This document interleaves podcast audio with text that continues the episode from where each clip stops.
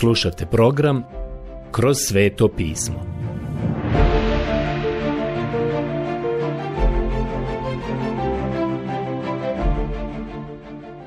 Knjiga Poslanica Efežanima Odlomak Poslanica Efežanima Poglavlje 4 od 1. do 6. stiha Danas smo stigli do novog odjeljka u poslanici Efežanima. Ponašanje crkve. U prva tri poglavlja vidjeli smo poziv crkve, njeno pozvanje. Sada ovdje imamo poziv vjernika, nebeski poziv i ovozemaljski hod vjernika. I to je ovozemaljski hod, a ne svjetovni hod. Onako kako vjernik treba da hoda ovdje na ovoj zemlji. Crkva je postavljena tamo gore, u nebesima, u Kristu. On je glava tijela i sjedi Bogu sa desne strane.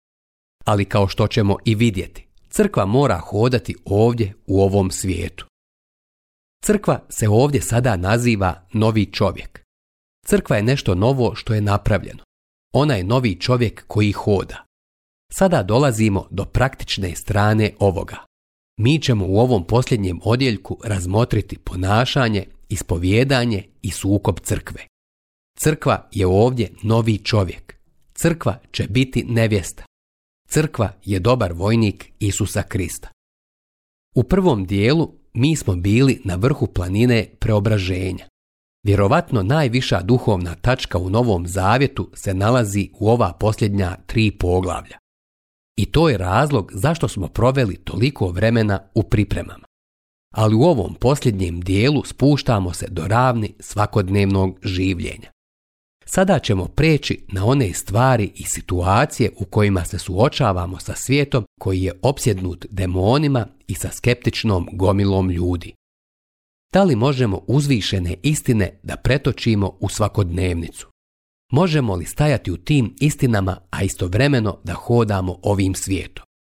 Naš gospod je rekao da smo u svijetu, ali da nismo od svijeta.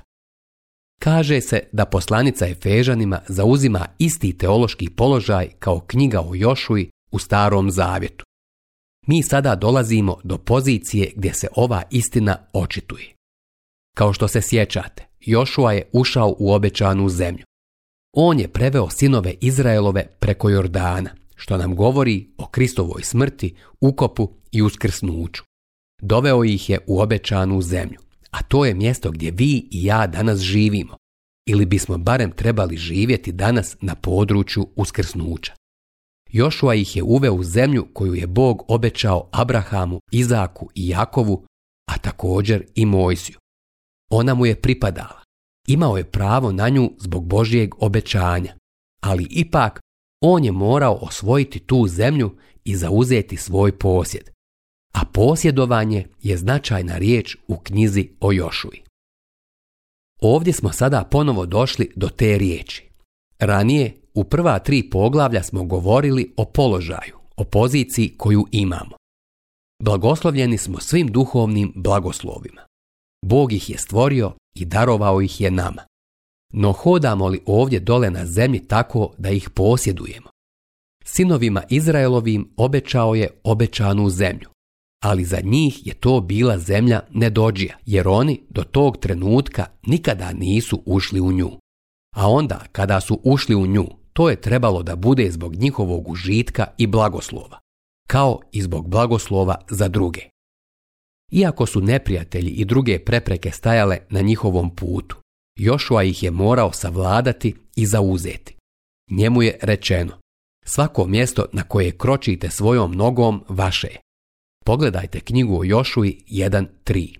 Sve je vaše, ali nećete uživati samo u tome gdje kročite svojom nogom. Vjernik danas ima privilegiju useliti se i zauzeti sve duhovne blagoslove u nebesima, neistraživo bogatstvo u Kristu. Ali oni se moraju tražiti duhovnim Gajgerovim brojačem, koji je riječ Božja. Ovdje smo vidjeli uzvišene slavne izjave. Od sada će to biti zapovjedi. Za one koji su pozvani na tako uzvišeno mjesto, zahtijeva se način života koji je primjeren tom pozivu. Toliko ljudi danas se zadržava na prvom dijelu poslanice Efežanima. Postaju super sveti i vrlo duhovni. Sjećam se kada sam prvi put došao u Južnu Kaliforniju. U toj crkvi gdje sam bio, bila je jedna porodica to jest prisustvovali su na bogosluženjima. Nisu bili članovi. Bili su prilično aktivni i veoma dragi ljudi. Upitao sam ih jednog dana, čovjeka i njegovu ženu, zašto se nisu pridružili crkvi. Oni su pogledali prema plafonu i rekli su, mi smo članovi nevidljive crkve i zatreptali su. Pogledao sam i ja prema plafonu i nisam vidio tu nevidljivu crkvu. Naravno, Razlog zašto je nisam vidio jeste taj što je nevidljiva. Tada sam otkrio da su mnogi od tih ljudi koji su članovi nevidljive crkve stvarno nevidljivi. Nevidljivi su u nedjelju naveče i nevidljivi su u srijedu naveče. Zapravo, oni su nevidljivi onda kada vam neko treba. Ali nevidljiva crkva se treba učiniti vidljivom ovdje dole, u lokalnoj crkvenoj zajednici. I pojedinci ovdje dole trebaju hodati tim putem.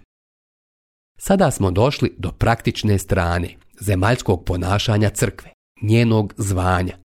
U ovom poglavlju crkva je novi čovjek. U prvih šest stihova imamo izloženog novog čovjeka, a onda od 7. do 16. stiha imamo ograničenja novog čovjeka, a zatim od 17. do drugog stiha zabrane za novog čovjeka. Sada će se taj novi čovjek pokazati ovdje dole. Članovi nevidljive crkve trebaju se učiniti vidljivima. Trebaju se izložiti. Oni trebaju biti vidljivi i pokazati i podijeliti Božju riječ. Sada želim reći da je ono što ovdje slijedi ograničeno na one koji su u Kristu. Na one kojima sada govorim, one kojima Pavle govori u ovoj poslanici i na one kojima govori duh Božji, na one koji su spašeni ljudi. Možda i neki od vas koji danas slušate ovo, niste kršćani. Ima dosta ljudi koji nisu kršćani, a pisali su nam i kažu da slušaju. Ono o čemu Bog ovdje govori, on ne traži od vas da činite dok ne postanete njegovo dijete kroz vjeru u Krista, dok ne postanete član njegovog tijela. Ovo je za one koji su iskupljeni, za one koji su čuli riječ istine. Mrtvi ljudi se ne mogu poticati da hodaju bez obzira na to koliko se na tome insistira ili koliko je to važno. Apostol Pavle započinje sljedećim riječima. Molim vas, dakle ja, sužanj u gospodinu, da živite dostojno zvanja u koje ste pozvani. Poslanica Efežanima 4.1 Apostol Pavle je rekao da smo mrtvi u prestupima i grijesima. To je stanje u kome se nalazimo kada smo pod zakonom. Jednostavno ne možete otići na groblje, niti tamo poslati narednika da komanduje i naredi. Pažnja, naprijed marš. Želim da shvatite nešto. Čak i ako to kažete i naredite, marša neće biti. Prijatelj, neće biti bilo kakvog pokreta i marša. Niko se neće pomaknuti. Da bi se mrtvi sa groblja pokrenuli, prvo moraju imati život. Dakle, Pavle se ovdje ne obraća nespašenim ljudima. Moram reći da nam je drago ako nas slušate, a niste kršćani. Ali sada želim da ostanete po strani i saslušate ovo, jer će vam to pojasniti šta bi Bog tražio od vas ukoliko namjeravate postati vjernik. Tada ćete moći pogledati oko sebe i značete da li oni vjernici koje poznajete žive onako kako Bog želi. Usput da kažem, ovo je veoma dobar program da saznate neke stvari. Ovdje vidimo da su ove instrukcije dane novom čovjeku, a ne čovjeku koji je mrtav u prestupima i u grijehu. Danas ovaj svijet govori i religije govore. Učini nešto i bit ćeš neko. Sa druge strane Bog kaže, budi neko i onda ćeš moći učiniti nešto. Sada ovdje imamo prvi stih. Stoga vas potičem, molim vas, ja sužanj gospodnji, da živite dostojno poziva kojim ste pozvani. Megigijev prijevod. Ova riječ stoga je poveznica. To je prelazna riječ i ima u vidu sve što je Bog učinio za vjernike, a što je navedeno u ova posljednja tri poglavlja. Dakle, uzevši u obzir prethodno rečeno, imamo tu riječ stoga. Pavle je zatvorenik zbog svoje pozicije u Kristu. Čovjek koji je posađen na nebesima također sjedi u zatvoru i tamo je jer je bio svjedok paganima. I on im govori da je on sada zatvorenik. Molim vas, ja koji sam sužanj u gospodu. Moliti ili preklinjati je ista riječ koju imate u poslanici Rimljanima u 12. poglavlju u prvom stihu. Ovo nije zapovjed sa Sinaja koja je praćena vatrom i grmljavinom. To je nježno poput ljubavnog udvaranja. Preklinjem vas da živite dostojno uzvišenog poziva. Zaklinjem vas dakle, braćo, Božim milosrđem da prikažete svoja tjelesa za živu žrtvu, svetu, ugodnu Bogu. Poslanica Rimljanima 12.1 Ono što se ovdje ističe jeste da trebamo hodati dostojno poziva. To je poziv da hodate na način koji je u skladu sa vašim položajem koji je u Kristu. Pavle je u prvom poglavlju poslanice Filipljanima u 27. stihu rekao sljedeće.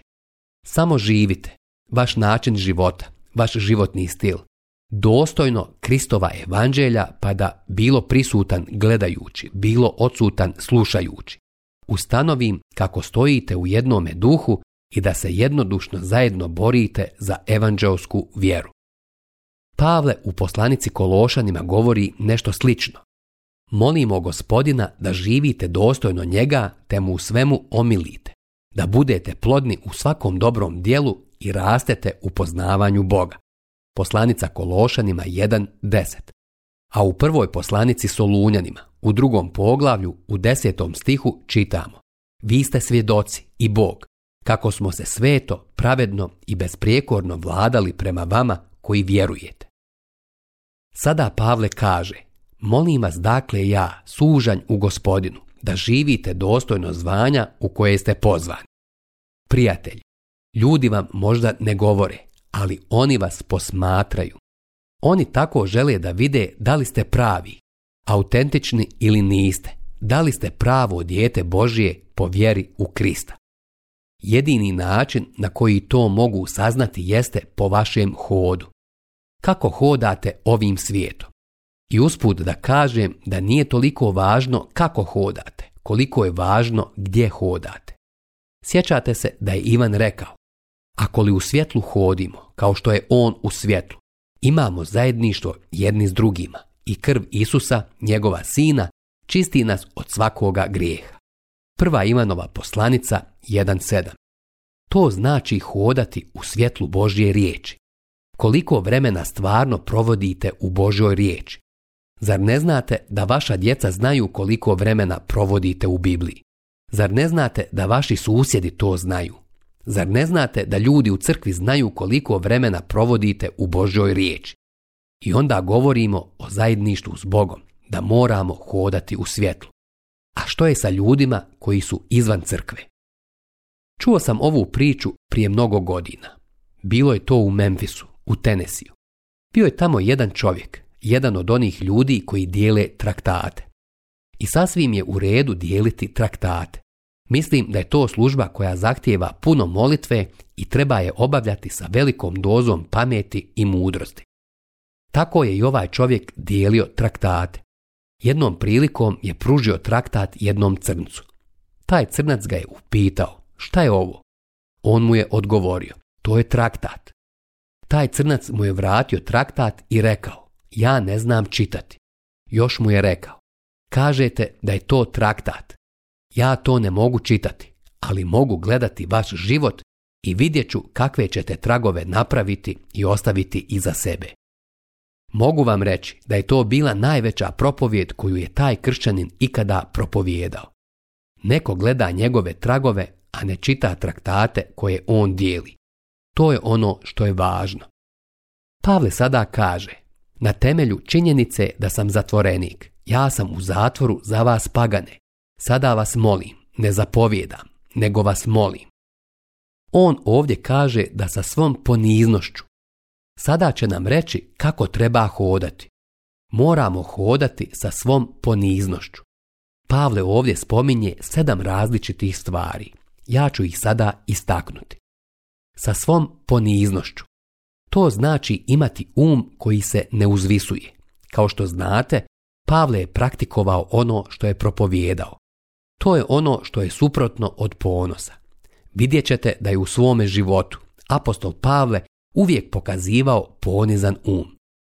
Kada bi se samo naše teološke škole i fakulteti danas otrgnuli od tih pokušaja da stvore intelektualne propovjednike i kada bi počeli poučavati neke od njih da hodaju u poniznosti. Mnogi od njih trebaju hodati u poniznosti. Sjećam se da sam prije mnogo godina čuo priču o mladom propovjedniku. Bio je to jedan sjajan mladić u Škotskoj studirao je na teološkom fakultetu. Bio je toliko briljantan da je taj teološki fakultet poslao tog finog mladića u jednu veoma istaknutu crkvu u Edinburgu, kada je ta zajednica zatražila nove radnike. Kažem vam, on je bio toliko ispunjen ponosom zbog činjenice da je bio pozvan služiti u toj velikoj crkvi. I tako je on otišao tamo. On do tada nije imao nikakvog iskustva, bio je briljantan dok je sjedio u razredu ili u radnoj sobi. Ali kada je ustao i krenuo da propovjeda pred tom grupom ljudi, desilo se nešto što mu je bilo potpuno novo. Postoji nešto za što on nikada ranije nije znao, a to je bila trema. Zaboravio je sve što je ikada znao. Naučio je svoju propovjed na pamet, ali ju je zaboravio. Sve je zaboravio. I samo je posrnuo. Jedna draga, sičušna škotlanđanka ga je gledala dok je silazio sa platforme nakon što je doživio taj neuspjeh. Ona mu je prišla i rekla, mladiću, gledala sam te jutros. Htjela bih ti reći da si došao na tu propovjedaonicu onako kao što si sišao sa nje. Onda bi sišao sa te propovjedaonice onako kao što si se popeo na tu propovjedaonicu. Popeo se sa ponosom, a kažem vam, sišao je s poniznošću i krotkošću. Taj čovjek je tako sišao. To je ono što je suprotno od ponosa. To je to. Ništa ne činite iz prkosa ili radi tašte slave, rekao je Pavle u poslanici Filipljanima u drugom poglavlju u trećem stihu, nego u poniznosti smatrajte jedni druge većim od sebe. Mislim da je to perjanica svih kršćanskih vrlina. Pavle je ovdje opisao i okarakterisao našeg gospoda. Isus je rekao, uzmite moj jaram na sebe i učite od mene, jer sam krotak i ponizan srcem. Evanđelje po Mateju 11.29 Koliko je samo današnjih kršćana koji su zapravo ponosni na svoju rasu. Ponosni su zbog toga. Imaju ponos zbog boje lica. Neki imaju ponos zbog milosti. Ponosni su čak i na to što su spašeni milošću. O kako samo trebamo hodati u poniznosti uma. Još nešto treba reći o poniznosti. Danas su ljudi potpuno zaokupljeni uzdizanjem sebe. To je ono što je Sotona učinio. To je užasna stvar. Postoji priča o jednoj grupi ljudi koji su otišli da posjete Beethovenov dom u Njemačkoj. Vodič ih je proveo kroz kuću i došli su do klavira gdje je Beethoven komponovao svoju muziku. A onda, nakon što je vodič završio svoje izlaganje, rekao je Da li neko od vas želi doći ovamo i na trenutak sjesti za klavir i možda pritisnuti tipku ili dvije? Tada je nastala velika navala. Svako je pokušao doći do tog klavira. Svi su to pokušavali, osim jednog sjedokosog gospodina Duge raspuštene sjede kose. Nakon što su svi isprobali taj klavir, konačno vodič je i njemu rekao Ne biste li i vi htjeli doći ovamo, da sjednete i pokušate odsvirati nešto kratko? On je rekao, o ne, ne osjećam se vrijednim. Usput da kaže, taj čovjek je bio Paderevski, poznati poljski pijanista i kompozitor. Vjerovatno jedini čovjek koji je bio dostojan svirati Beethovenov klavir je zapravo bio onaj koji ga nije želio svirati. Koliko vjernika danas, čak i u crkvi, hrle i rade stvari za koje nemaju dara da ih čine, ali ipak to čine. Uglavnom govorimo o tome da imamo poteškoća sa pronalaženjem ljudi koji bi radili neke stvari u crkvi. Postoji još jedna nevolja. To je druga krajnost. Imamo ljude koji rade stvari koje ne bi trebali raditi. Mi trebamo hodati u poniznosti. Krotkost je sljedeće što se spominje. Ona se odnosi na blagost, ali ne znači slabost. To ne znači da ste gospodin mlitavi.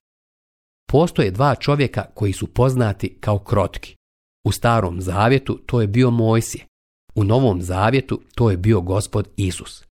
Kada vidite Mojsija kako silazi iz brda i lomi ploče na kojima je bilo urezano deset zapovjedi, i kada vidite šta je rekao svom bratu, Aronu i djeci Izraelovoj, da li i to nazivate krotkošću? Bog to naziva. Da li je gospod Isus bio krotak kada je ušao u hram i istirao mjenjače i prodavce? On je svakako bio krotak. Svijet to ne zove krotkošću. Šta je krotkost? Krotkost je voljno stajati za Boga i vršiti volju Božju bez obzira na cijenu. Pokoriti se Božoj volji, to je krotkost. Zatim se spominje strpljivost. To se odnosi na blagu narav. Ovo je plod duha.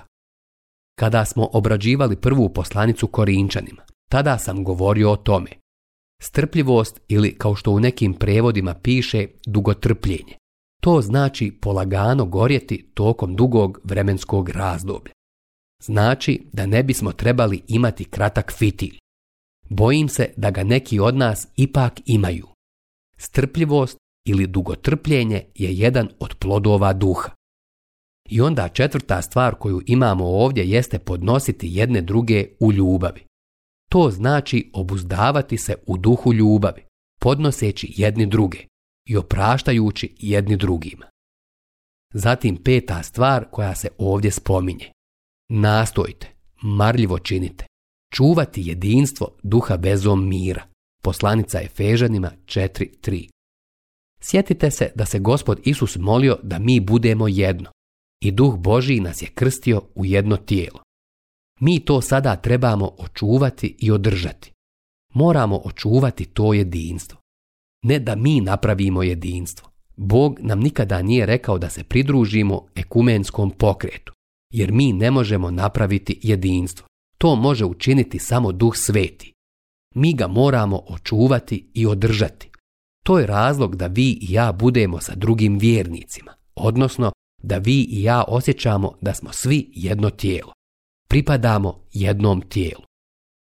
Sada ćemo vidjeti sedam stvari koje moramo očuvati i održati. Molim vas, obratite pažnju na ono što ovdje piše.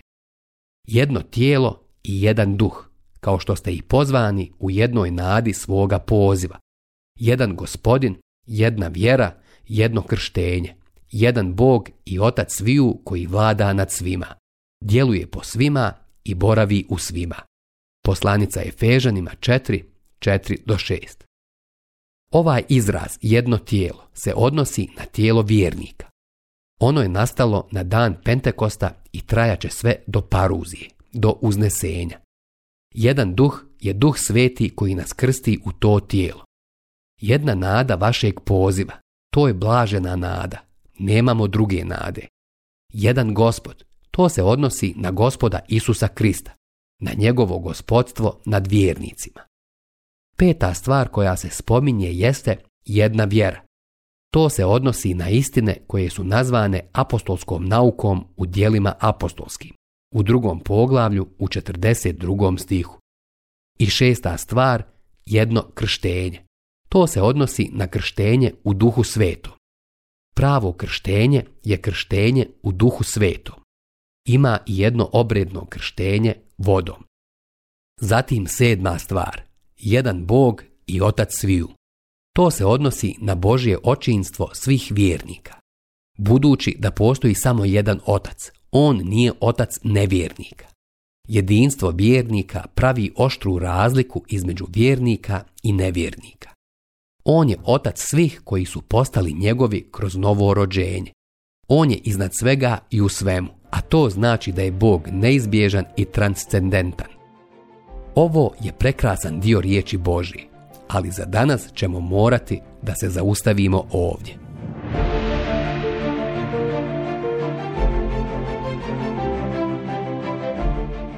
Slušali ste emisiju Kroz sveto pismo.